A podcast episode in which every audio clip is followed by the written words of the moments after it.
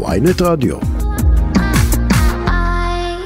אנחנו מסיימים תמיד עם שיר לשבת, הבוקר זה כיף גדול, כבוד גדול, להגיד שלום, בוקר טוב, לסופר למשורר, לעיתונאי למחזאי, שלום אפרים סידון. שלום לאדוני. שלומך? אה, בתחום הלאומי או בתחום הפרטי? שניהם. אה, באחד מאה אחוז, בשני ממש שואף לאפס. אומרים לי חברים שעוסקים קצת בתחום של סאטירה וקומדיה, שהזמן הזה הוא טוב לקומדיה. זאת אומרת, זה כזה טירוף בחוץ, שזה זה, זה מביא חומרים, זה נכון? א', זה כבר לא מצחיק. וב', לא, באמת זה כבר לא מצחיק. ואתה יודע שהאומרים של הליצנים תמיד עצובים. אז uh, הפעם יש להם באמת סיבה.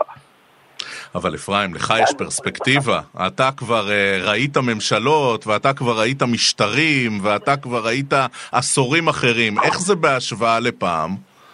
תשמע, המחאה כזאת עוד לא הייתה אף פעם. זאת אומרת, אמנם אני קשיש, ישיש מהמחצית הראשונה של שלהי המאה הקודמת, אבל uh, דבר כזה עוד לא היה. באמת, התגייסות כזאת היא... התלהבות מעולה, באמת רצון להגן על מה שבנינו פה, באמת, זה, זה, זה תופעה נפלאה. וכשאתה מסתכל על הדמויות הפוליטיות, כשאתה מסתכל, אתה יודע, בעין הבוחנת, אבל גם הקטלנית מאוד שלך, כי סאטירה פוליטית לא זרה לך בכלל, מה, זה, זה יותר מדי טוב מכדי להיות אמיתי? זאת אומרת, הם ממש מזינים את הכותבים בחומר?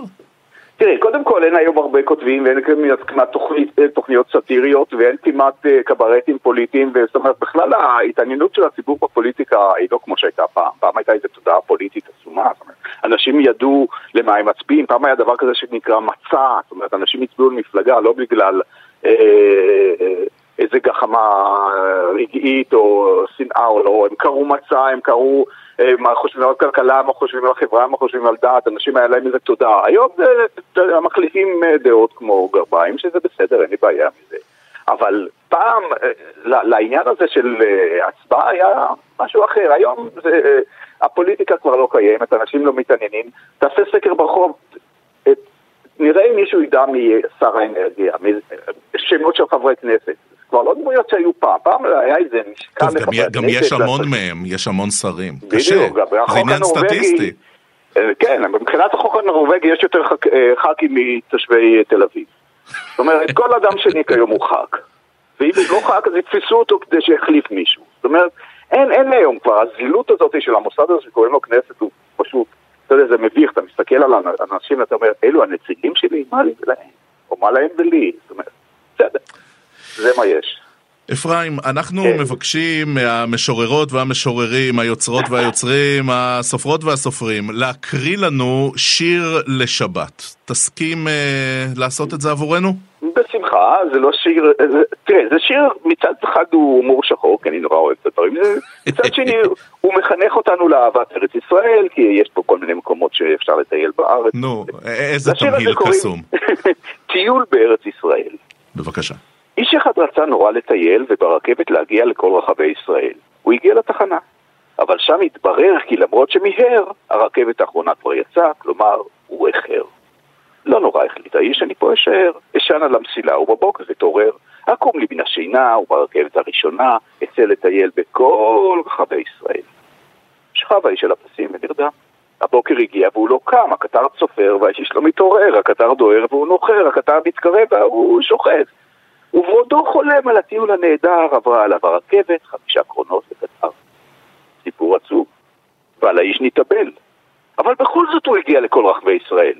כלומר, חלק ממנו הגיע לשרון, חלק אחר לבנימינה, חלק לבית אהרון, חלק לעתלית, והחלק האחרון, נדמה לי, האגודל הגיע לנהריה, אם כי באיחור קל. כלומר, יש לנו פה אהבת הארץ, יש לנו הכרה גיאוגרפית של הארץ, איך אפשר לטייל בקלות? שיעור מולדת, אפרים סידון. ממש ככה, כן. אגב, האגודה איחר לא בגלל אה, זה, בגלל שהייתה שביתה של, אתה יודע, אה, של פועלי הרכבת. כן, רכבת ישראל, מי ידע. אה, אפרים סידון, זו תקופה ש... שיוצרים בה הרבה, או שיותר מרותקים למסך ואפילו יוצאים עם דגל הרחובות? איך זה עבורך?